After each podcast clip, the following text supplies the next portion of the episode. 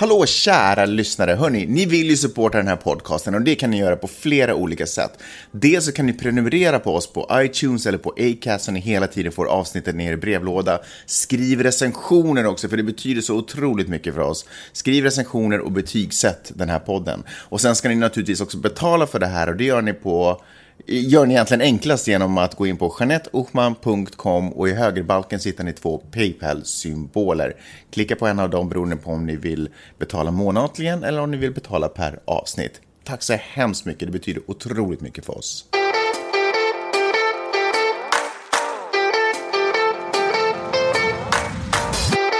Du lyssnar på Magnus och Peppes podcast.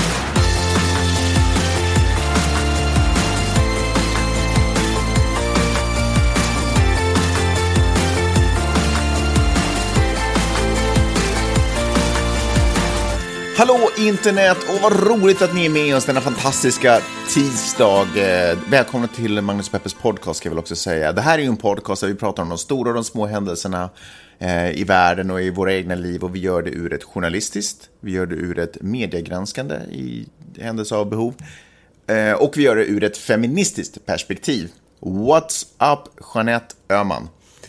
Det är bra, Magnus Silvenius Öhman. Härligt. Har du återhämtat dig från kalabaliken under bokmässan? Jag har gjort det. Mm, skönt. Känner du att du... Är du jetlaggad fortfarande? Nej. Åh, oh, herregud Jag är vilken tillbaka. Jag är tillbaka. Är du tillbaka i matchen? Jag tycker det är så gulligt förresten när jag kom tillbaka. Jag har varit borta i sex dagar Mm. och plötsligt så behandlar du mig som om jag aldrig skulle ha sett ett barn eller ett hus förut. Nej, men det Du ju- bara, det här är vår bebis, så här fungerar hon. Fast det är underligt Det är att efter att du har kök. varit borta i sex dagar och kommer tillbaka så är det som att du aldrig skulle ha sett en bebis i hela ditt liv Mm, ungefär. Ja, ja, du som kan det bäst får väl ta hand om det då också. Ja, som det är. Men eh, det är inte det vi ska gnabbas om idag, utan eh, vad ska vi börja gnabbas om? Jag har tänkt mycket på yttrandefrihet. Det som kallas free speech i landet där vi bor. Freedom of speech. Ja, men så förkortat i media kallar man Ja, free ah, okej. speech. Ja, just det. Ja, Magnus. Och eh, jag har tänkt på att eh, förr, för liksom, eh, ska säga 50-60, liksom mindre än 100 år tillbaka men kortare än, än 50 När år. våra föräldrar var unga. Ja, precis. Mm. Så, så var det främst de liberala och uh, ska säga, demokraterna som kämpade för yttrandefriheten. Att alla skulle få sin röst hörd oberoende av hudfärg, religion, eh, sexualitet eller liksom vad som helst. Nu pratar vi om det Alla- som händer i USA. Ja. Okej. Allas, allas röst skulle vara lika mycket värd. Civil rights movement under 60-talet var väl en del av det här att få svarta Ja. röst hörda. Mm. Precis. Medan eh, de konservativa republikanerna var kanske mer sådär ah, det finns vissa människor som är lite viktigare än andra människor. Och det, det lever ju fortfarande kvar. Man tycker liksom fortfarande att heterosexuella vita män är, är liksom viktigare än oss andra. Men nu på sistone, i och med den här alternativa högerrörelsen, alt-right som man kallar den här i USA, har, har på något sätt kidnappat uttrycket yttrandefrihet och använder den för att kunna uttrycka sig rasistiskt och förtryckande.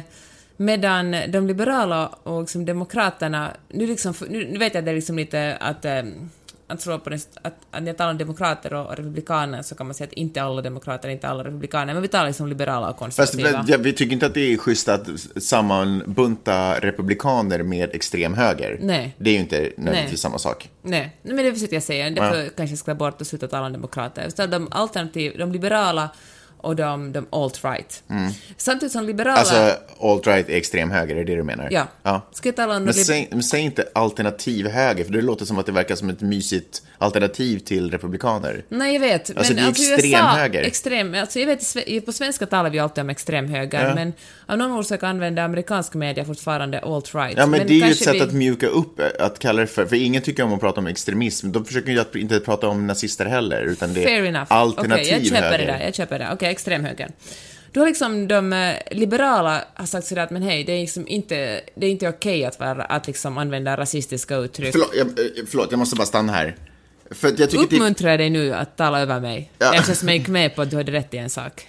jag tycker nämligen att det är viktigt att man slutar använda ordet alternativ, för det är ju ett sätt att cover up vad det egentligen är det handlar om. När man pratar om alternativ media så pratar man ju om media som sprider lögner rakt upp och ner sprider lögner. Sprider fakta baserad på icke-fakta och eh, vetenskapliga resultat baserade på icke-vetenskapliga studier. Det är, liksom, det är det som man nu kallar för alternativ mer. Alla vill vara alternativa. Vi lever ju i en värld där vi beter oss som får, men alla går omkring och tycker att de ska vara så otroligt unika. Så därför så passar ju det här alternativet ju ett otroligt säljande argument för oss människor som försöker vara unika och speciella och tror att vi har mycket att bidra till den här världen. Så därför är det så otroligt fult att han, därför måste vi sluta använda ord som alternativ och prata om vad det egentligen är. Och därför alternativ höger är bara inte ett schysst sätt att prata om det. Så, Ja, håller med dig. Tillbaka. Håller med dig. Så, nu har den, eh, nu har, nu har den alternativa högern... Skoja! fan, jag var så nära att spä upp det där alltså. Ah, tänk att du gick i den fällan. Ja, nu i alla fall extremhögern har kidnappat yttrandefrihet, begreppet yttrandefrihet och säger att, eh, att de censureras eftersom de inte får uttrycka sig rasistiskt och chauvinistiskt, medan eh, de liberala säger att att kom igen, vi måste, folk kan inte gå omkring och säga, mata man matar ju också en, en rörelse genom att använda vissa ord och liksom normalisera vissa ord, tycker att det är okej. Och um, så liksom rollerna är ombytta. Och då läste jag en, eh, en artikel som handlar om, om eh, Milo Yiannopoulos. Kommer du ihåg vem det var? Nej. Det var han, han, är, han är gay, men han är också extremhöger. Han talar, väl, han är, talar väldigt... Han så en jättestor YouTube-kanal. Det var han som skulle hålla en... Du pratar om det som om det vore motsägelsefullt, att han skulle vara gay och Ja, extremhöger. för ofta extremhögern är ofta... Okej att han är vit och man, därför är han välkommen, men de är liksom inte så öppna mot folk som inte är, är heterosexuella. Nej, men däremot är det min övertygelse om att extremhögern ofta är gay. Vad betyder det? Jag bara tänker att med sådär mycket aggression så är det ju en frustration över att man inte kan vara den man vill Leva ut vara. sin sexualitet. Att man egentligen, att man måste hålla, ja, att man inte kan vara den man vill vara. Det finns säkert såna också där. I alla fall så han, Milo Yiannopoulos, vi talade också om det här i podden för kanske ett halvår sedan, nästan ett år sedan. Han skulle hålla en, eh, en föreläsning på Berkeley. Universitetet Berkeley är ju känd för att vara jobba en av de första universiteten som började med civil rights, alltså också de rasifierades rättigheter i USA och liksom där man var verkligen otroligt liberal och, och eh, där det sägs, det liksom kallas det som är liksom det universitetet som mest har jobbat för, eh, för yttrandefrihet för alla. Och då skulle Milo Yiannopoulos hålla ett, eh, ett föredrag på det här universitetet, men eftersom studenterna tyckte att det var katastrofalt, eftersom de inte vill ha några nå extremhögermänniskor på sitt universitet, så demonstrerade de. Och det här ledde till att eh, det var liksom till och med våldsamma demonstrationer, du, fönster krossades och det och andra. Och eh, då, då, då bestämde, då, då liksom, det, det fick gjorde att, att Milo Yiannopoulos fick en massa, fick, fick en massa Följare. följare. Nej men visst, precis, för att han tyckte att han hade blivit censurerad. Han hade liksom missförstått begreppet yttrandefrihet och trodde att för att han inte är välkommen att tala på ett universitet så, så är man censurerad. Det är ett jättevanligt missförstånd det här. Att bara för att man inte får använda sin... ba- Bara för att man inte får, får säga det man tycker på ett officiellt... På liksom ett företag eller på liksom ett universitet eller i offentligheten eller för att media inte vill skriva om ens åsikter, tror man att man är censurerad. Men det är ju inte alls det som yttrandefriheten handlar om. Yttrandefriheten handlar om att inte bli censurerad i sina åsikter som, som person, förstår, som individ. Alltså, vad är skillnaden? Skillnaden är den att, äh, att, att yttrandefriheten handlar inte om att du har rätt till att alla ska bara ge dig plats och ge dig en, en plattform att stå på när du vill säga det du tycker. Att du inte får det handlar inte om att du blir censurerad. Du kan gå hem och knyta näven i fickan och, och muttra det du vill. Utan, men, men att du inte får, för alla liksom inte bugar och ger plats åt det betyder inte att du är censurerad. Förstår du? Mm, nej. Men eh, vi går vidare. Jag kan put- låta det där puttra ett tag. Okej. I alla fall, i alla fall så fick, han, så fick eh, hela den här extremhögerrörelsen och Milo Yiannopoulos jättemycket uh, bensin på, som man kastar bensin på elden. Liksom, folk gillar jättemycket det här. Nej, nej, han är... Nu, nu håller Liberalerna på att, eh, att eh, försöka kväva oss och liksom eh, yttrandefriheten i det här landet eftersom vi inte får hålla rasistiska föredrag är nu hotad. Och det här ledde till att, att han planerar att, att den här samma Milo Janinopoulos planerar ett nytt, ett nytt föredrag, en ny föredragsserie på samma universitet, Berkeley, nu i höst, bara för någon vecka sedan. Där han skulle bjuda in bland annat Ann Coulter som är den här programledaren på mm, Fox News som också är känd för att vara väldigt, alltså verkligen eh, balansera på gränsen till att vara riktigt så grov rasistisk i sina åsikter. Hon har gett ut böcker som är... Ja, så som- nog passerat gränsen för att vara rasistisk, utan nu är du på gränsen till att vara grov rasistisk? Ja. okej. Men, eh, och en massa andra, nu kommer en massa andra människor som liksom rör sig i samma områden. Och uh, i och med att ingen av dem hade bekräftat att de verkligen skulle komma till det här seminariet, men deras namn hade ändå tryckts upp på liksom broschyrer. Och, uh, och då filosofi, då tror man faktiskt så här. Samtidigt hade han liksom inte den här, eh, inför det här, eh, den här seminarieveckan, det var dessutom under Free Speech Week, det finns en vecka här på hösten som heter Free Speech Week, där man liksom fokuserar extra mycket på yttrandefriheten. Samtidigt så hade han liksom, eh, den här organisatörerna hade liksom inte riktigt sökt om, ansökt om lov att hålla det här, den, här, den här föreläsningsserien, de hade liksom inte ordnat någonting byråkratiskt kring det alls. Och då, då, då, va, då liksom började folk misstänka att aha, att han ordnar egentligen bara det här för att eh, det ska bli avbokad och då ska han kunna få samma samma stöd igen då och kan säga att, att jaha, att, att eh, det händer samma sak händer igen, att nu, nu censurerar igen uh, Berkeley mig, att det här med yttrandefriheten gäller tydligen inte alls mig, och liksom få, få liksom en ordentlig våg av understöd igen. Och det hände faktiskt här, nu den blev avbokad den här veckan, inte på grund av, av, hans, av hans åsikter, utan helt enkelt för att det liksom inte, det fanns inga, byråkratin helt enkelt inte höll. Mm. Och, och då tycker jag bara att det var, alltså jag tycker det här är så otroligt spännande hur man kan hur man kan spela med, med ett begrepp som yttrandefrihet. Hur liksom eh, extremhögern kan ta den till sig, kan ta liksom ett, ett begrepp som förr var, som förr var de liberalas och nu liksom spela med det och till och med arrangera händelser för att få dem att, eller arrangera seminarier för att få dem att eh, cancelleras och sen få ännu mera... Du fattar inte vad jag menar. Jo, jo, jag, ja. jo, jag fattar. Nej, jag, jag, tycker inte att det är spännande. Jag tycker det är fruktansvärt. Jag tycker det är fruktansvärt att liksom, extremhögern har lärt sig att manipulera eh, manipulera, vad ska man säga, manipulera kommunikationsvägar. Alltså, ja, det är faktiskt det det handlar sätt. om. Eh, alltså lärt sig, lärt sig spela ett spel på något sätt. Och det som är fruktansvärt är ju att de spelar ju spelet i syfte att sen i slutändan skapa ett totalitärt samhälle. Alltså spelar på demokratins spelregler för att sen underminera den och mm. i slutändan i princip förgöra den. För de är inte intresserade av att sen i framtiden upprätthålla ett, ett freedom speech eller, eh, eller något sånt.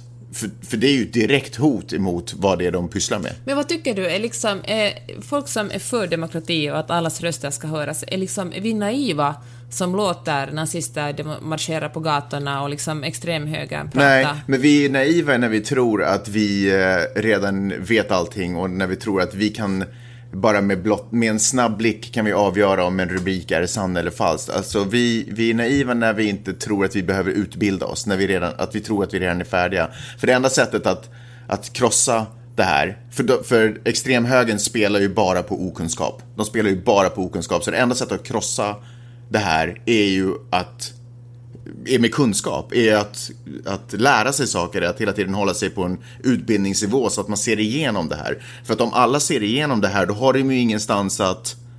Då, då kan de ju inte växa, då finns det ju ingenstans att få tag i någonting. För att, du vet, om någon kommer att säga att 2 plus 2 är 5, alla som kan räkna vet att det stämmer inte, så då kan du stå och säga det i ditt hörn hur länge som helst. Men om folk är osäkra på vad 2 plus 2 egentligen är, då är det klart att om det kommer någon väldigt övertygande och charmerande person och säger att 2 plus 2 är 5, att allt det här du har hört tidigare är bara skit, så bara, ja, fan kanske det är 5, kanske det här är en, en komplott att vi ska tro att allting är 4 och allting är jämnt. Det kanske inte är jämnt när man slår ihop två jämna tal.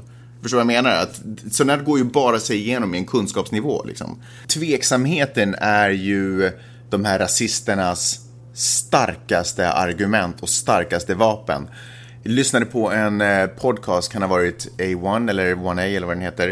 Eh, där, 1A. Vad sa du? 1A. Ja, någon av de här eh, poddarna i alla fall. Så, som pratade om en händelse i en liten stad i USA det var ett town meeting eh, där borgmästaren eh, satt och gav liksom, medborgarna i, i den här lilla staden möjlighet att ställa frågor. De diskuterade någonting nytt de skulle göra. Och vad fan de gör på så här town meetings.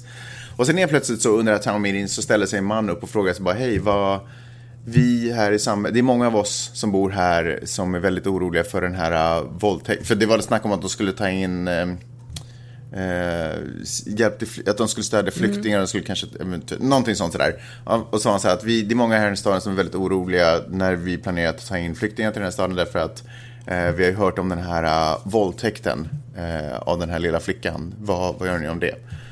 Och borgmästaren blev lite så här, ja, det, liksom, hade aldrig hört talas om det här. Och faktum är att så som det presenterades så hade aldrig skett. Liksom.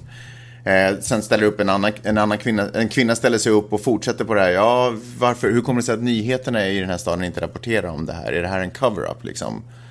Eh, och du vet när man börjar, börjar slänga upp massa sådana här saker och säga att varför rapporterar inte nyheterna om det här? Varför gör inte ni någonting? Är det här vanligt? Mm. Då är det som att det pågår en konspiration. Mm. När det aldrig var frågan om något våldtäkt eller något sexuellt utnyttjande eller någonting annat. Men hela tiden den här tveksamheten, den här frågeställningen. Men är det så? Är det så? Varför får vi inga svar? Vad är det som händer?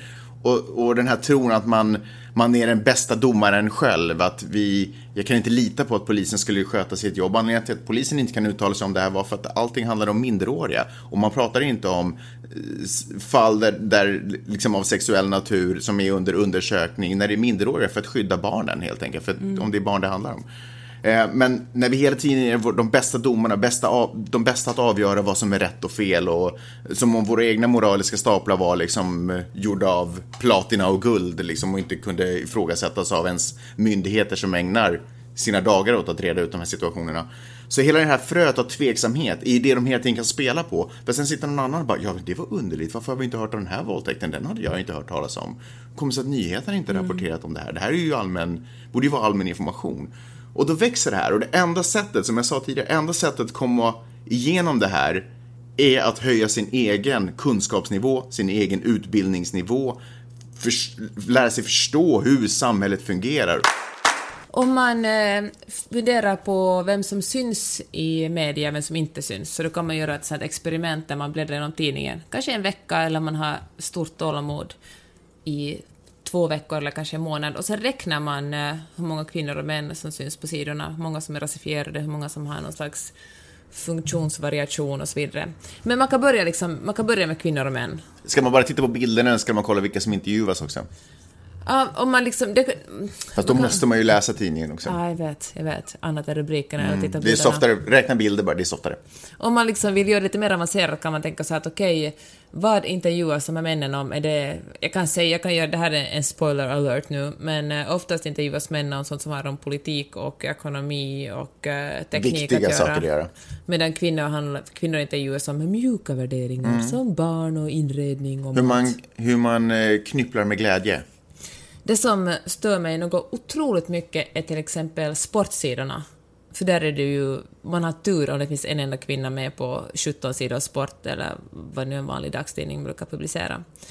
Och eh, nu gör eh, Yle, svenska Yle har en, en, eh, en lista med de 100 bästa idrottspersonerna genom tiderna. Vet du varför det är just 100? No. För det är 100-årsjubileet. Ah, Finland fyller 100 år i år. Man märker att det finns medborgare, Magnus. Och eh, de har kommit till, till, de har räknat ner från liksom 100 till 46. Och vet du hur många av de här är kvinnor? Eh, 20. Ah, 11. 11? Ah, 11. Det är ju ganska bra ändå. 11 av 46. Ja. Ah, El, vadå 11 av 46? Det var ju 100. Nej, men de har inte kommit så långt ännu. Aha, okay. Det kan ju vara förresten att, att kvinnorna att sista... trängs på toppen. Ja, sant. Ja, det kan vara att jag går lite hårt åt Yle nu. Men, äh, men om det fortsätter så här är det ju ganska deprimerande. Eller tycker jag sådär, det här är ju liksom en, en ganska subjektiv lista. Mm. Man kan säga, vem liksom... Men, men helt i, till försvar här, så när det kommer till... Så är det ju förbjudet för kvinnor att idrotta i Nej, Finland. men hundra år av sport så har ju kvinnor inte ägnat sig åt idrott så mycket under de här hundra åren. Det är ju mest de kanske senaste, senaste 40 åren, 50 åren. 50 år är faktiskt en jävligt lång tid. Ja, men det är ju ändå hälften, halvtid. Och sen ska det dessutom produceras stjärnor som men vad, är... Men, vad baserar du det på att kvinnor inte har ägnat sig åt sport? Ägnat sig? Ja, så säger vi i Finland. Jag bara menar att sådär sportligor, det var, fanns väl inga kvinnliga sportligor i Finland från 1900 till 1950? Ja, men 1900 var inte ens Finland självständigt, så det finns ens ja, med i den här 1918 till 1950 då? 17. 1917 till 1950 då? Ja, men det är ganska många år mellan 50 och idag. Ja, men jag ja, vet inte jag exakt om 50-årtal, förstår du vad jag menar? Man bara bekräftar den här uppfattningen om att det är män som sysslar med sport när man, när man, låter, när man liksom lämnar bort kvinnor från den här listan. Och nu säger jag inte att det är en konspiration. Jag tycker att det är bara gammal vana. Vi är så vana att alltid se män och prioritera män att den här listan bara har gjorts, ja, utan minsta lilla eftertanke. Men kan du, jag tycker så här. Den är alltså inte i kronologisk ordning. Det här är första gången som Finland firar 100 år. Cut dem lite som slack. Det har, det har liksom... What the F, för att citera min son. Va, va? Med sin, med sin hundraåriga historia så har Finland ändå gjort ganska stora framsteg, eller så har det skett stora framsteg för kvinnans eh, självständighet och sådana saker. Undrar bara vi tittar sen på 200-årsjubileet. Alltså, är det här satir nu? Är det här satirpodden? Nej, men vadå? The Onion? Nej, vadå? Löken? Nej, men vadå? Vad är det där för att... Men titta så, om du bara väntar tålmodigt så kommer nog jämställdheten att reda ut sig själv. Nej, det är för att man är sådär, check yourself yle. Det är bara 11 kvinnor på 46 stycken. Som någonting kanske förändras. Men återigen, det finns ju inte så super, ja, men det finns ju inte så supermånga att ta för Men det finns det. så som finnarna... Det där låt är istället- klassiskt, så det, det gjorde rätt, Rättviseförmedlingen Nej, också. men- Det vanligaste argumentet, det finns inga kvinnliga DJs, det Nej, finns men inga det- kvinnliga ju moderater på teknik. Peppe, om det inte finns så finns det inte. Men, tänk nästa hundra finns, bevisa för mig att det inte Men finns nästa då. hundra år, men då tänker jag så här, det är ju journalister som sätter ihop de här listorna.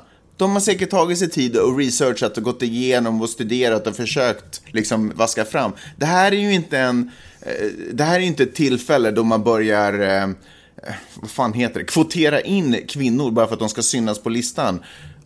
Om mästerskapen har varit utformade så att det har varit manliga mästerskap, vad ska jag trycka in? Det har garanterat också funnits kvinnliga mästerskap. Ja, tydligen åtminstone 11 har, har dykt upp där på listan. Men grejen är ju den att det här är en subjektiv lista. Ja, men det här är en lista som reflekterar historia, Ja. inte framtid.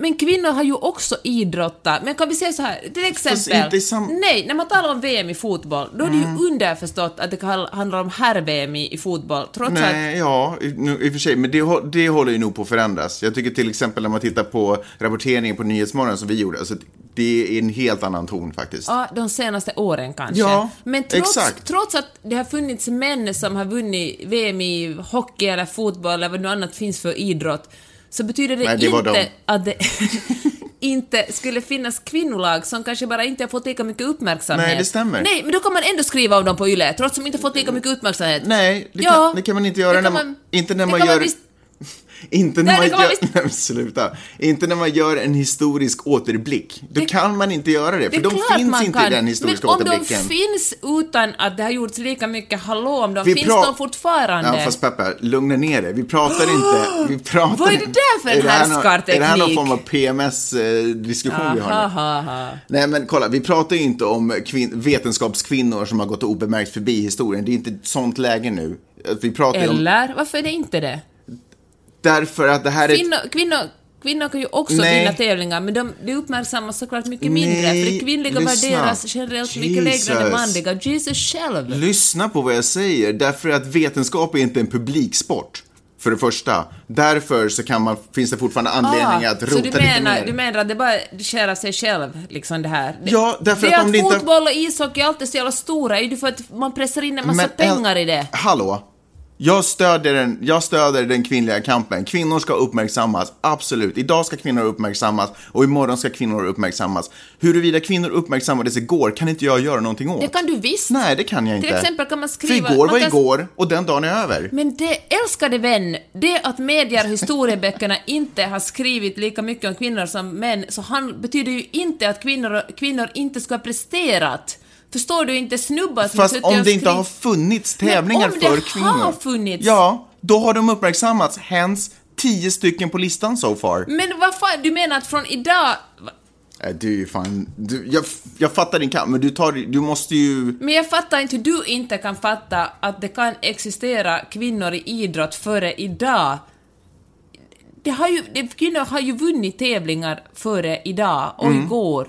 Och till och med för 20 år sedan och 30 år sedan. Men de har inte ägnat sig lika mycket åt tävlingssporter som männen har haft möjlighet att göra. Därför att det har inte ansetts lämpligt att kvinnor ska hålla på med det. Vad fan vet jag vad nej, exakt, vad fan Nej. vet du? Men nej, de har ju garanterat ägna sig åt tävlingar, men kanske, men kanske det Ja, inte uppmärksammas lika Nej, mycket. men hur ska man kunna hitta någon som inte har hörts eller synts Ja, eller då får man vara en ganska bra journalist och istället för att bara... Då blir det ju att de drar upp sin egen mormor på den där listan för att de har samma något rykte om det. nej, men det samma sak handlar ju om historieböckerna. Kvinnor har inte gjort någonting, visst att en kvinna har gjort någonting. Ja, det finns liksom till och med, alltså, det, står ju, det finns ju bara snubbar i historieböckerna för att snubbar har skrivit om den och snubbar har uppmärksammat så mycket mera. Mm. Och då blir det ju ett, det blir liksom en självuppfyllande profetia när man helt enkelt bara Fast matar på jag- det som redan har. Återigen, men den här listan tycker jag är lite unik för att det handlar om ett publikevenemang. Så den här listan Men nu listar ju egentligen bara jubel på... från publiken. Men nu handlar det ju inte om någonting som hände på 1800-talet. Jag menar, den här listan börjar 1917 till 2017. Mm. Det är inte hemskt långt ifrån Fan, 1800-talet. Det är nog en... Alltså, nej, men de senaste åren är, är hemskt långt från 1800-talet. Se, de senaste 40-50 Men när är, åren. kolla, när är de här kvinnorna då? När är de ifrån? Här är en 2003 till Ja, exempel. det är senaste åren. När kvinnor, från den, ja, och så, ta, ta en till. Fortsätt. Nej men bara för det, min poäng är ju exakt den, att den här människan som har gjort den här listan inte har grävt Mm. fram, man har bara tagit det enklaste. Åh, det var jättestora rubriker om en gubbe, vi tar med honom på listan. Nej, jag, det, för det första vet du ingenting om det. Du har ingen aning om det, för du A, vet ju ingenting om sport. Du listade sporter på jorden och du kom fram till hockey och fotboll. Så vad du vet vad den här sportjournalisten har ägnat sig åt har du ingen aning om, för det första. Om vi säger så här, jag vet att någon av våra lyssnare kommer att mejla oss efter det här och bevisa att du har fel. Ja, vi får väl se. Hej! Har du frågor och kommentarer så kan du mejla min mamma och pappa på Magnus och Peppe snabel A, gmail.com. Gör det!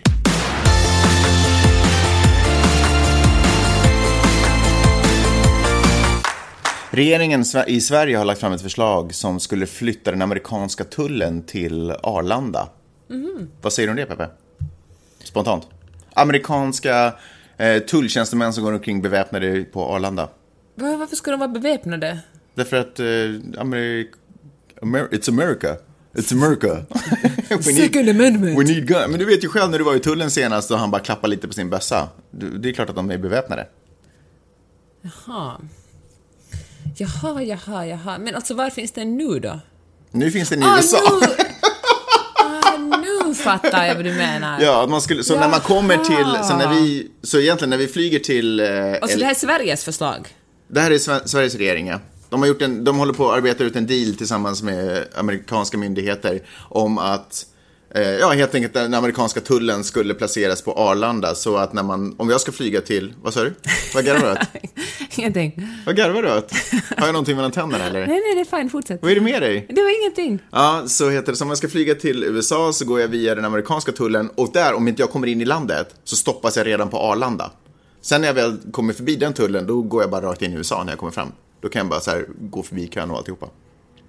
Och USA går med på det här. Ja, men det, de har väl kommit fram till någonting. Jag tror faktiskt att ett av problemen till, är just det här med hur de ska göra med vapen. För Sverige tycker inte om att det går omkring amerikanska agenter med vapen på liksom svensk mark. Och det här är för att underlätta, kommer USA att göra det här med flera olika länder bara för att underlätta de jävla köerna på... Sverige skulle vara ett av de första som skulle gå, som skulle, där de skulle starta det här. Och, ja, Sverige tycker att det här är en bra grej för då skulle man ju få mer trafik till Arlanda. Jag tänker att det kanske är bra på något sätt att det skulle generera pengar. För då vill, ja. Varför, varför får man mer trafik till Arlanda? Ja men för det är ju softare. att folk vill åka via Arlanda för att komma Ja men precis, USA. då skulle Arlanda bli en hubb. För det är ju softare att, om man kommer från Luxemburg eller någonting annat, att bli stoppad i Arlanda än att bli stoppad i New York Mm. eller Lax. Och den enda nackdelen är ju att, eh, enligt Sverige då, vapnen. Ja, alltså enda en nackdel, alltså kritiken... Ni vill inte gå med i NATO, men det här är okej. Ja, precis. Nej, men en av nackdelarna är ju naturligtvis att det rör sig amerikanska agenter med... Liksom, Agenter! Ja, jag tror att de kallas så faktiskt. Amerikanska agenter på liksom, svensk mark med befogenheter. Men eh, blir inte amerikansk mark så som ambassaden blir amerikansk mark? Jag vet inte exakt hur det blir, men tullen borde väl på något sätt bli... Ja, jag vet faktiskt inte. Men skit i men detaljerna. Ja, skit i detaljerna. Nej, men, vad ty- men Så spontant. jobbar vi i den här podden. Men Ja, spontant. jag tycker att det är superskönt. Tycker du det? Ja. ja fan, först så tänkte jag sådär, eh, när, man börjar läsa det, Svenska Dagbladet, ni hittar länken där nu om ni har Acast-appen som ni lyssnar på. Jag lyssnade igenom. Men det första var så här, okej, vänta, sven, eller amerikanska security-typer med vapen på svensk mark, det känns ju helt nej. Det är ju det sjukaste jag hört, varför ska man göra det? Men å andra sidan, den här tullen, den är ju softare den flyttas faktiskt. För som sagt, det är ju softare att få ett nej i Stockholm än att få ett nej i LAX.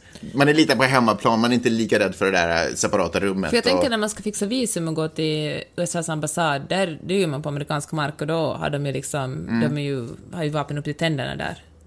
No. Nu kanske det är. du Peppe Öhman. Men samtidigt, det här enda anledningen till att jag tycker att det här låter som en bra grej, det är ju för att underlätta för mig själv och min egen ångest. Och jag kanske inte tycker att vi ska ha avkall på liksom vår... vår... Er integritet. Ja, men faktiskt. Jag tycker inte man behöver göra avkall på sin integritet för att det ska bli lite då? lättare och Kan inte lite... vi förbjuda vapnen? Men handlar det egentligen om vapen? Eh, jag tror att så här är det, om jag, om jag tror den artikeln som jag läser på Svenska Dagbladet, så är det så att nu är liksom dealen att vapnen ska vara inlåsta i ett skåp. Så att de ska inte gå omkring med hölster. Liksom. Men handlar det egentligen om vapen eller handlar det om att man på något sätt ger USA mer befogenheter runt omkring i världen? För att hålla sig på god fot. Men vad, på vilket sätt gynnas USA av det här då? Bara de finns Ja, liksom? Helt plötsligt så har ju USA, precis.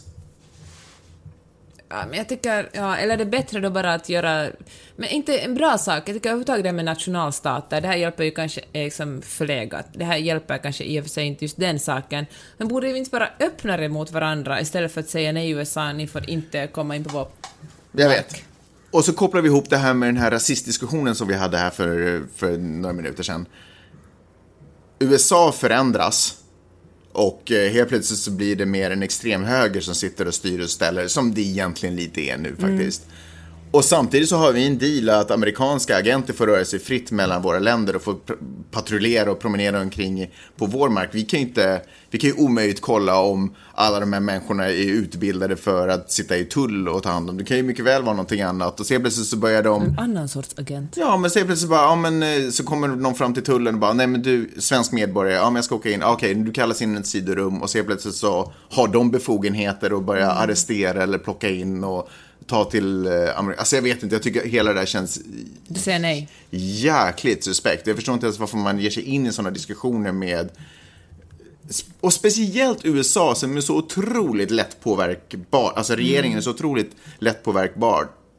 Bar, eh, ja, och, och, ja, förstår vad jag menar? Liksom, hur hela deras demokratiska system ser ut. Om man sätter ett, sån, ett sånt land med så otroligt mycket makt, eh, nej, jag vet inte. Inte bra. Jag säger nej till det. Verkligen Ah, jag nej. säger ja, kör hårt bara. Jaha. Vi tar konsekvenserna sen. Hörde du talas om den här svenska modellen Arvida Byström? Nej. Som gjorde en reklamgrej för Adidas. Där hon posar med skorna och hon har shorts på sig och typ något linne eller något liknande. Eller vad fan, ja, skitsamma liksom så. Men poängen är att man ser benen. Och man ser att hon har hår på benen. Och eh, ramaskriket, hon har typ blivit dödshotad. Ja, men det och... läste jag om. Hon hade fått dödshot för att hon inte hade rakat Vad är benen. det som händer? Vad är det som händer? Hur kan man bli så fanatiskt arg att man börjar dödshota människa för att den har hår på benet? Det är ju ingen fucking rim och reson i det. Prosit. Tack. Men jag tror att det handlar om något slags... eh, Men vad är det för... Oh, förlåt. Jag Ja. vill inte förklara någon här, men min analys det handlar om män som känner att de inte längre kan kontrollera kvinnor. Alltså det, men det är så... Det är så alltså där, människor som skriver så är ju samma människor som mejar ner folk i Las Vegas. Alltså det är ju störda... Alltså de, alltså jag fattar inte varför man inte bara direkt arresterar de här människorna. Speciellt när de kommenterar på hennes Instagram och sådär, så man borde ju veta vilka de är. Varför åker inte polisen bara knack, knack, knack? På så sätt skulle jag vilja ge För mycket att det mer... här är inte en totalitär stat kanske. Men vad då totalitära stater? Man får, kan väl inte få gå Det ska väl inte vara i bara totalitära stater man inte kan gå och mordhota folk? Alltså, vi, mer resurser till polisen fair enough. så, de kan arrestera, så de kan arrestera män som håller på att bete sig på det där sättet. Alltså, det är ju fan det sjukaste jag har hört. Hur kan man vara så, hur kan man vara så ond och så vidrig och rutten i kroppen? Ja, fast jag tänker så här, att det, det här är inte heller någon lone wolf, någon så här ensam varg. Det är liksom ett del av den kultur som vi växer upp i. Och då tänker jag så att alla de som, alla de som sitter bredvid en kompis som säger ah, fy fan vad vidrigt med håriga ben, är skyldiga till det här mordhotet. De är en del av problemet. Jag menar varje gång man är tyst och tycker att det här angår inte mig när någon ens kompis är rasistisk eller sexistisk eller... Då, om man inte säger emot så då matar, då liksom accepterar man det, då ger man sitt medgivande och då är man, ja, men då är man skyldig, då är man inte del av problemet. Ja. Ja, för det där du sa, det är ju verkligen inte, det handlar ju inte alls om någonting som är ensamma, utan det här är ju ett flockbeteende. För de kommer ju som, man hör bara så här, man hör ju bara det. Det är liksom bara sådana kommentarer hela tiden på, på hennes Insta. Hon skriver så här, uh, literally I've been getting rape threats in my DM inbox. Alltså, alltså det är så sjukt det där beteendet, det är så otroligt sjukt det där beteendet. Och precis som du säger, eh, kudos till dem män som har ställt sig upp på, på hennes Instagram och kommenterat och visat stöd. Men alltså alla andra, vad fan pysslar ni med? Alltså helt... Vänta, har jag själv... Jag har inte skrivit någonting själv där. Måste, borde jag gå in och skriva någonting? Ja, det borde ja. det. Då ska jag göra det. Eh, alltså inte ett våldtäktshot. Nej, exakt. Eh, man får ha hår på benen. Tänk om män skulle bli mordhotade av, av, kvinnor bara för att de hade, gick omkring med håriga ben. Eller något, något annat som var en men jag tycker det där är alltid en superbra tankelek faktiskt, när man säger inte alla män. Men om man svänger på det, finns det, finns det ett scenario där det ska vara naturligt för kvinnor att göra det som män gör? När det kommer till våld eller hot, eller finns det liksom, kan man föreställa det scenario? Om man inte kan det så är det ofta faktiskt något fel på männen. Mm. Och då har vi, om man säger så att men kvinnor är också elaka, kvinnor är det ena och det andra. Men ja, det är såklart, för kvinnor är också bara människor, precis som män. Men, men på något sätt det där våldet och liksom det hotfulla beteendet, alltså jag tror inte man kan förklara det med någon slags biologiska orsaker. Jag tror faktiskt att det handlar om kultur och jag tror det handlar mycket om att män är ensamma. Jag tänker mycket på den här kulturen som våra barn nu växer upp i här i USA, där, där män är så otroligt hämmade, där det värsta en liten sjuårig pojke kan göra är att börja gråta och där liksom föräldrarna uppmuntrar liksom sina, söner, sina söner att, att lösa problem med knytnävarna. Liksom, både kvinnor och män, nu säger inte bara papporna på det här, utan också, både, också mammorna utvecklar någon slags här, eh, liksom uppfostra sina barn att istället för att visa sina känslor genom att gråta eller prata ut så, så lär man dem att uh, det här får du sköta själv med knytnävarna. Mm. För att det är en hård värld du växer upp i. Jag tycker det är Ja, det är så otroligt... Eller hånar sig, så som den ena pappan som hånar sin son och säger att han är, han är fegare än sin treåriga lillasyster. För det första som det värsta man kunde vara är lite sämre, att, att, att det är ett hån att bli kallad att vara tjejig, och för det andra så liksom är det, ja, är man liksom, ja, en, en, man är en sämre människa om man gråter. Jag tycker det är så... Um, det, det är så liksom, om vi säger så här, jag ser liksom ingen på basen av mina egna studier i vidare skola så ser jag ingen förbättring av det här problemet med våldsamma män och män som våldtäktshotar och mordhotar, mordhotar kvinnor. Nej. Äh, det är ju det är så, kulturellt, det är så djupt eh, kulturellt rotat. Men, men samtidigt så är det så här, det finns, det, det är ju ingen anledning att ge upp. Man får helt enkelt bara ta ett, ett liksom halmstrå åt gången. Vi får försöka jobba med vidare under tiden, så hoppas man att ni är någon där ute som kanske också lyssnar på den här podden, som jobbar med eh, sin son och låter den, och låter den pojken uttrycka sina känslor, vad det än är för sorts känslor och sådär. Och så får man hoppas att man gör rätt. Och så får man hoppas att det sprider, den lilla stenen i vattnet sprider ringar åt, liksom utåt. Och så måste man också komma ihåg... Så kanske det blir att... en ny dokumentering av Finlands 200-årsjubileum att problemet ju inte är att den här personen, den här kvinnan har håriga ben, utan problemet är ju alla de här våldtäktshoten och männen. Och jag tycker att det är jätteviktigt att sätta fokus på dem, verkligen fundera, vem är de här männen? Varför uppför de sig så här? Vad liksom, det finns en jättebra bok som heter, eh, som kom ut för snart 15 år sedan, men som heter Med uppenbar känsla för stil, som är skriven av Stefan Mendel Enk, som handlar om, eh, man, om män och manlig vänskap och manlig, liksom manligt beteende. Otroligt bra. En tunn liten bok som vem som helst orkar läsa, läsa igenom. Och där skriver han att, att det är väldigt sällsynt för män över 30 att få nya vänner. För när man är över 30 då är man liksom eh, ofta i ett parförhållande och då sköter kvinnan mest om de sociala relationerna. Hon som ser till att man åker på middagar och bokar helger med vänner och, och, eh, och det finns heller väldigt få naturliga sätt för män att, eh, att få nya vänner, för det uppväxt, upp, liksom uppfattas som bögigt och det är det värsta man kan vara, det är som att vara kvinna, att vara bög liksom superlågt värderat, att gå fram till en man och säga hej, ska vi dricka öl tillsammans, ska vi bli vänner? Det finns liksom, och efter att man har börjat, efter att man har slutat studera och ofta liksom många män i 30-årsåldern slutar träna aktivt, så finns det liksom inga naturliga ställen där man träffar män på, andra kompisar. Så de bara, så det lever en massa, massa ensamma män där ute som aldrig pratar med någon och som liksom inte vet hur de ska uttrycka sina känslor. Så otroligt sorgligt. Det påminner mig om ett, eh, ett videoklipp jag såg som, eh, som i och för sig handlar mer om, eh, om vapenlagar och sådär. Hur folk, alltid, folk som går omkring med vapen alltid uppfattar sig själva som the good guy. Och så är det en situation som spårar ut på ett fik där liksom alla på något sätt har vapen och då pratar de om att nej, jag är the good guy för jag försvarar den här situationen och nej, jag är the good guy för att jag försöker styra upp er och nej, jag är den här, och du vet och sådär. Mm. Och, och jag tror att det inte skulle skada hemskt mycket om man slutar se på sig själv som the good guy.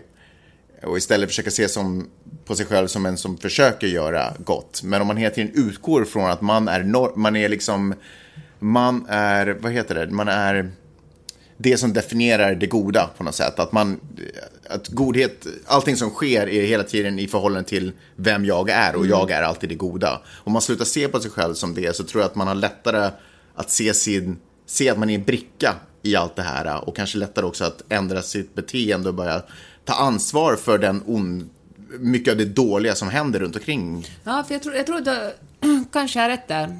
För att jag tror ofta man, efterkonstruerar man ju också situationer ja. där man skriver in sina egna handlingar som, som bra handlingar, där man liksom gör sig själv till hjälte då i sitt eget liv.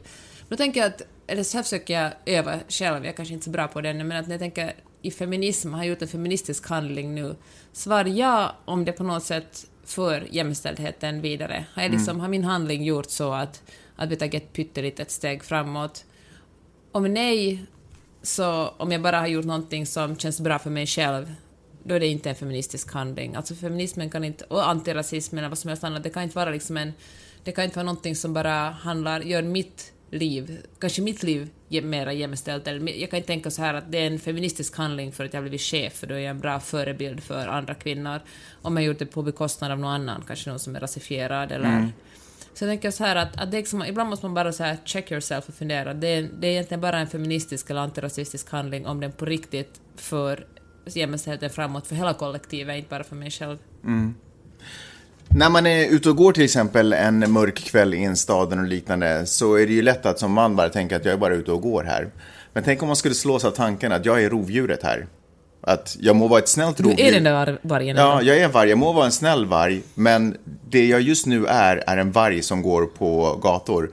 Och kanske börja lite act accordingly, att om jag är, de facto är en snäll varg, visa det otroligt tydligt. Kanske gå över till... Och krama någon? Nej, fråga om de vill ha lite sex eller någonting. Nej, men att man liksom, om man till exempel har en tjej framför sig eller bakom sig, att man tydligt man kanske går över till andra sidan gatan och visar att man liksom är på väg åt ett helt annat håll eller på något sätt bara signalera. Att, eller springa fatt henne. Ja, för att säga att man vill inget illa. Ja.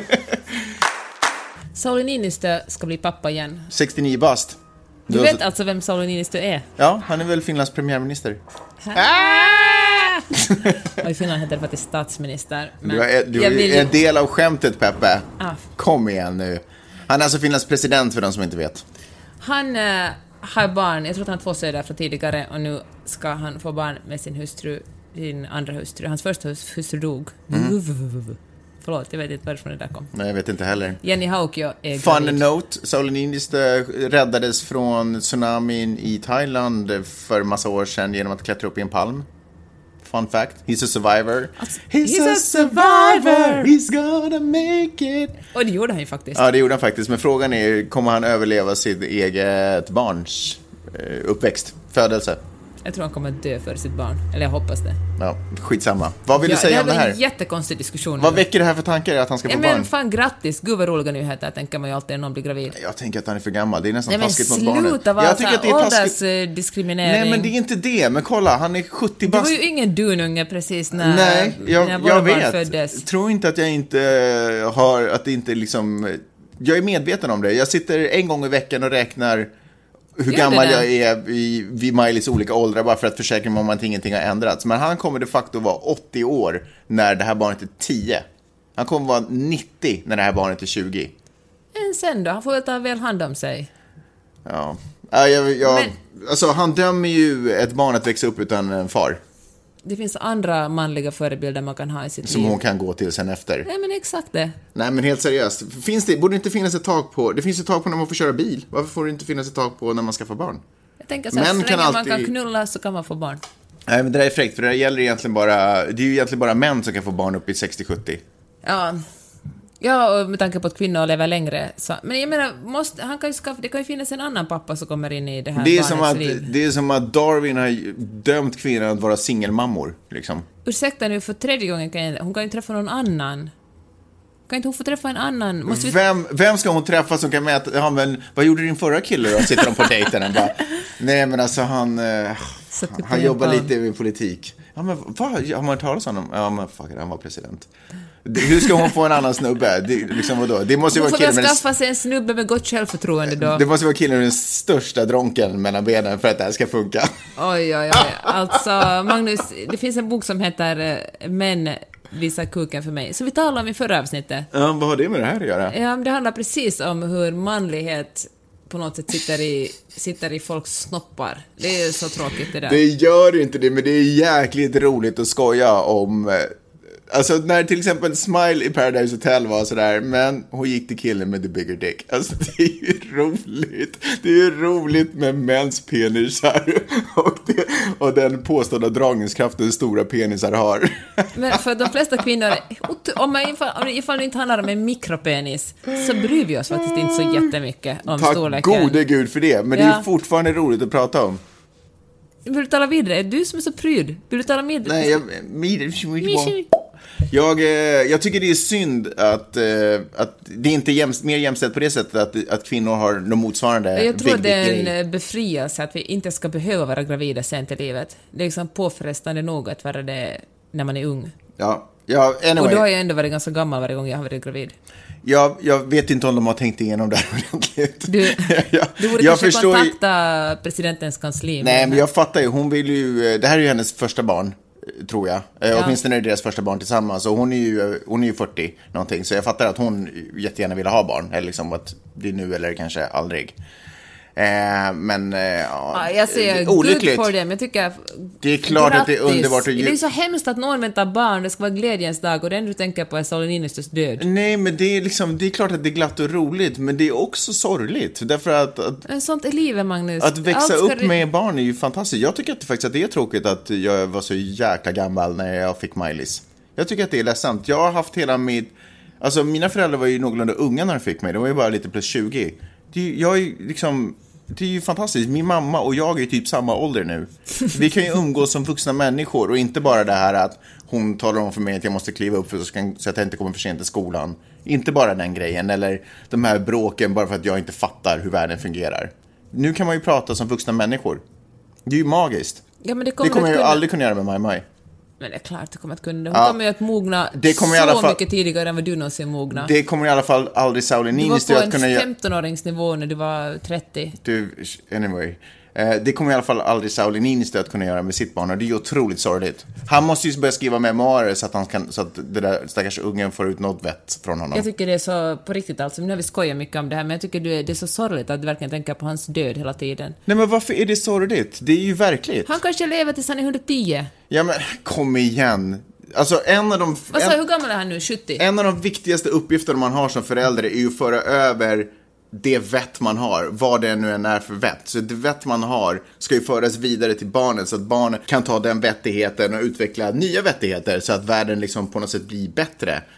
Och nu har vi en, han är väl ganska vettig, Sauli Niinistö. Han är väl inte, han är en av the good guys, tänker jag rent generellt. Ett sånt Eller? samlingspartist är han ju, men vi kan väl acceptera honom. Ja, ja, ja skitsamma. Eh, vilket fall som helst. Så, så hans jobb borde ju vara att föra över sitt vett till den här ungen så att den ungen får lite försprång i livet. Men det kommer man inte göra. Hur ska han kunna föra vidare? Man kan ju inte föra in vett i en tioåring, det är det som är grejen. Man måste ju vänta tills de blir, eller det är ju förstås en pågående process, men Nej, men Det är massa vett som den de unga kommer missa. små- Nej. Det finns, och som sagt kan ett barn ha hur många som helst andra vuxna i sitt liv. Det finns ju inte bara en enda person som kan lära henne vett. Nej, men då kunde de ju skaffa barn med den personen istället. Det hade väl varit bättre. Ja, men det gjorde Sauli Niinistö. Men då var inte Jenny Haugö ännu född. Borde vi köra en liten avslutande touch med uh, Weinberg, Harvey Weinstein? Stein. Harvey Weinstein. Ja, han fick ju sparken Mm. när det här bandats in från företaget Weinstein. Han fick, han fick sparken för sitt eget efternamn. Ja. Det suger ju. Ja, han heter det. Han heter bara Harvey bara, nu. dude, seriously, get the fuck out. Vi vill inte ha dig. Men äh, ja, jag tänker så här, att, att det som han har gjort alltså är, han är en, en sån här, för som inte vet det här, en sån här Hollywood-mogul. Mogul. Mogul. Mogul. Som har haft fingret med i spel från allt från Good Will Hunting till, äh, äh, vad heter den där, äh, Alltså han har gjort så otroligt mycket. Han har gjort alla filmer, men jag kommer på en han har, hur, han har hur, hur, många Oscars som helst. Han, den där um, kungen med talproblem gjorde han. Ja, det var det jag tänkte på, men jag kommer inte Alltså. på vad den hette. King's Speech. Just det. I alla fall, plus jätte, jätte, jätte, jättemånga andra. Mm. Och tydligen har haft som vana att uh, locka till sig, eller alla folk som är unga kvinnor som har jobbat med honom, har han uh, haft möten uppe på rummet och inte sällan varit naken. Och, Så är det alla möten han har haft? Nej, han, han, har, Ah, ja. han har lockat upp dem, han har bott på en svit på The Beverly Hilton, han har varit sådär hej kom upp på mitt rum så har vi vårt möte här. Mm. Och de här unga kvinnorna har varit såhär åh, ah, okej. Och så har han suttit i morgonrock, morgonrocken och kanske visat en nipple och varit sådär åh vill du massera mina axlar, vill du se på när jag duschar? Och de har varit såhär att helst inte. Men eftersom han har varit så otroligt mäktig så är det faktiskt många som har gått med på det ändå, massera honom och kanske kolla på när han badar badkar. Och så han betalar dem, mellan 80 000 och 50 000 dollar har de fått för att hålla käft om det här. Mm. Och eh, det här har han gjort systematiskt. Och det är som folk, och de här människorna, de här kvinnorna har liksom hållit tyst om det men ofta bara berättat, de har berättat för sina närmaste vänner men liksom inte gå ut i media. Och, och nu... Det här är också en man, ska jag bara säga, som Meryl Streep kallar det för Gud i sitt tacktal då hon tog emot Oscar för Järnladyn kanske. Något sånt. Jaha, det visste jag inte. Ja, alltså han har ju varit otroligt hyllad av många stora. Det sagt, han kan ju vara bra på sitt jobb och ändå vara ett asshole. Alltså, folk... Man kan vara två fel- saker. Man kan vara två saker. Men eh, det som är intressant är att han nu har fått, eh, han har fått gå och, för, och han kommer säkert inte att få jobba så mycket mera. Nej, Och eh, det, kommer, det är okej. annat än på sitt personlighetsdrag. Han är ju gammal och han har jättemycket pengar. Jaha, nu helt plötsligt är det viktigt att lyfta fram hans ålder. Jag menar bara att han har liksom, han, han måste, han är, det är inte som, han är inte som vi som verkligen måste jobba som små ekorrar för brödfödan varje dag, utan han har liksom, han är okej. Men, eh, men han, hans, hans namn har ju liksom dragit i smutsen lite med all rätt. Och eh, det är ju inte så trevligt att gå iväg, gå i graven med en sån legacy. Men då tänker jag att det här är nog en ganska ny grej. Tidigare har man kommit undan med, att, eh, med det här, men, men jag tror att kanske till och med Hollywood börjar förändras lite. Ja, vet du vad? Det är exakt det som den här artikeln som jag läser i, på BBC säger. Meryl Streep gick ut och pratade om, hon har ju varit en av hans, eh, liksom hon har alltid talat gott om honom. Ja. Och hon, Haft hans rygg liksom. ja men precis, och hon går ut, hade ett uttalande som publicerades i Huffington Post först, där hon är sådär, eh, att hon visste inte om det här. Eh, och hon är liksom chockad, hon tycker det är det vidrigaste hon har hört. Och hon tycker att de här kvinnorna som har gått ut och berättat borde liksom hjälteförklaras, så det är fantastiskt. Ashley Judd är väl ändå kändaste. Ja, och så sa hon att, eller hon skrev någonting om att det är sådär, det lär ska vara allmänt känt att han har betett sig så här, men samtidigt så har hon svårt att tro det, för hon har så mycket förtroende för journalistkåren, så om det verkligen hade varit allmänt känt så borde det, skulle det ha läckt ut tidigare. Mm, bra sagt. Men hon, är, hon, liksom, eh, hon tar totalt avstånd från det här. Hon och dessutom några andra kändisar på Twitter och sådär. Men eh, Men hör du, jag tycker att här kommer många lärdomar i det här. För det första, så när man tror att man inte har en enda våldtäktsman eller tafsare eller något sånt i bekantskapskretsen, Mm. för att alla ens kompisar är ju superbra typer som är jätteduktiga på sina jobb. För han har ju också varit väldigt mån om att eh, eh, porträttera sig själv som väldigt, liksom en liberal person. Han har gått i så här, feministiska tåg och, och sådana saker och synts i, i liksom väldigt positiva sammanhang. Ja, men det ser man. Du tänker att, men det, som sagt kan folk vara många saker samtidigt. Jag tror inte han har gjort det säkert enbart för att på något sätt eh, kompensera. Kanske han har tyckt att, att sådär allmänt så ska kvinnor få ha lika rättigheter med män och få bra betalt och så vidare. Och så vidare. Men sen på en personlig nivå så tycker han att han har rätt i deras kroppar för att han är rik och, och mäktig. Men jag tänker också så här, det att han fick sparken från det här The Weinstein Company, om, eh, de har ju vetat om det, och de fick ju bara, han fick ju bara sparken därifrån eftersom vi också fick veta om det. Ja, precis. Jag menar, det, det är liksom... eh, När man hyllar, hyllar liksom stora multinationella företag, eller mindre också, för att, för att liksom reagera så händer det ju oftast först efter att det har läckt ut i pressen. Det är ju inte som de som gått ut och sagt hej, vi har fått veta att, att Harvey på vårt företag tafsar på kvinnor och, liksom, och betalar dem för att hålla käft, därför har vi bestämt oss för att ge sparken åt honom. Utan det är först när hela världen talar om det och det bubblar som de kliver fram som de moralens väktare och avskedar honom. Eh, på så sätt tror jag att det kan faktiskt komma något gott, eller jag vill hoppas och tro att det kommer något gott ur eh, hela liksom, den här skandalen. För han är ju bara liksom otjänster med hans utseende på något sätt. Porträtt, så visualis- han, han, liksom den gamla pampen, förstår du vad jag menar? Han är stor och lite den här rikemans eh, mage. Och han magen, är liksom. en mogul och liksom han har som sagt massvis med Oscars och sådär. Så han personifierar ju också det här väldigt tydligt. Det är inte svårt att se att det här har hänt på något sätt. Men jag tror det faktum att det har lyfts upp på det här sättet, att det, att det har kommit upp till ytan, att de här kvinnorna ändå har fått så pass mycket stöd eh, och liksom heja-rop, tror jag faktiskt kan leda till en förändring till hur, vad som kommer vara tillåtet. Och mer Ja, eller- jag tror att han är en del av en annan tid. Ja. Han är slutet av en dinosaurieera där de håller på att dö nu, de här jättarna. Det får man, inte, man får inte tro att vi är framme. Förlåt att jag tittar över axeln, men det är en jättestor en kolibri bakom din rygg. Nej men gud så härligt. Men kan vi försöka fokusera på podden Ja. ett litet tag till? Förlåt. Men jag tänker så här, det här kanske också vara ett, ett sätt för unga kvinnor att våga träda fram och visa att det kan faktiskt löna sig att träda fram. Förlåt, nu förstörde du med kolibrin för nu fick jag bara här, äh, den här melodin i huvudet.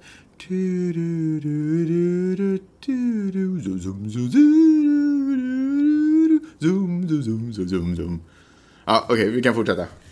Jag fattar inte. Ja.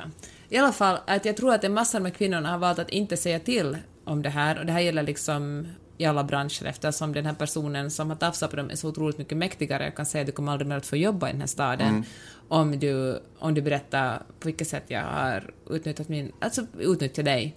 Och, eh, men i och med att, att Harvey Weinstein faller så kanske Ja men som du säger så, det är bevis på att, att, det kan, lön- att man kan säga att tillsammans är vi starka. Att man är sällan, om man utsätts för något sånt här på ett företag eller så är man kanske sällan ensam om det utan då kanske man ska tala om det och, och tillsammans märka att, ja. Ja men tillsammans, alltså, förstår du vad jag menar? Ja, absolut, absolut. Väntar vi bara på att eh, en, av de, en annan av dinosaurierna, Trump, ska falla på sitt, på sitt eget grepp. För det är ju exakt vad de har gjort. Den här attityden att man kan, man får och kan göra vad man vill med kvinnor bara för att man befinner sig i en mäktig position själv. De, eh, den eran håller nog på att dö ut. En annan grej som håller på att dö ut just nu är den här podden! Alltså det här avsnittet. Ja, just det. För de facto går det ganska bra för podden och det är ju superroligt att fler och fler lyssnar på oss. Sprid, fortsätt sprida ordet. Jätte, jättekul. Ja, tack för att ni gör det. Ja, verkligen. Och tack också för att ni betalar. Det är roligt när det plingar till telefonen där, du, där folk visar att innehåll, det är någonting vi tar kontroll över själva. Det betalar vi för och inte sätter det i händerna på företag eller någonting annat som eventuellt påverkar. Det kan man ju inte veta. Svårt att veta sådana saker. Ja, folk är så falska. Tack så hemskt mycket för att ni har lyssnat den här veckan. Vi hörs om en vecka. Nej, vi hörs Nej, ju på vi hörs på fredag. fredag. Ja, ha det så bra! Hej då! Hej!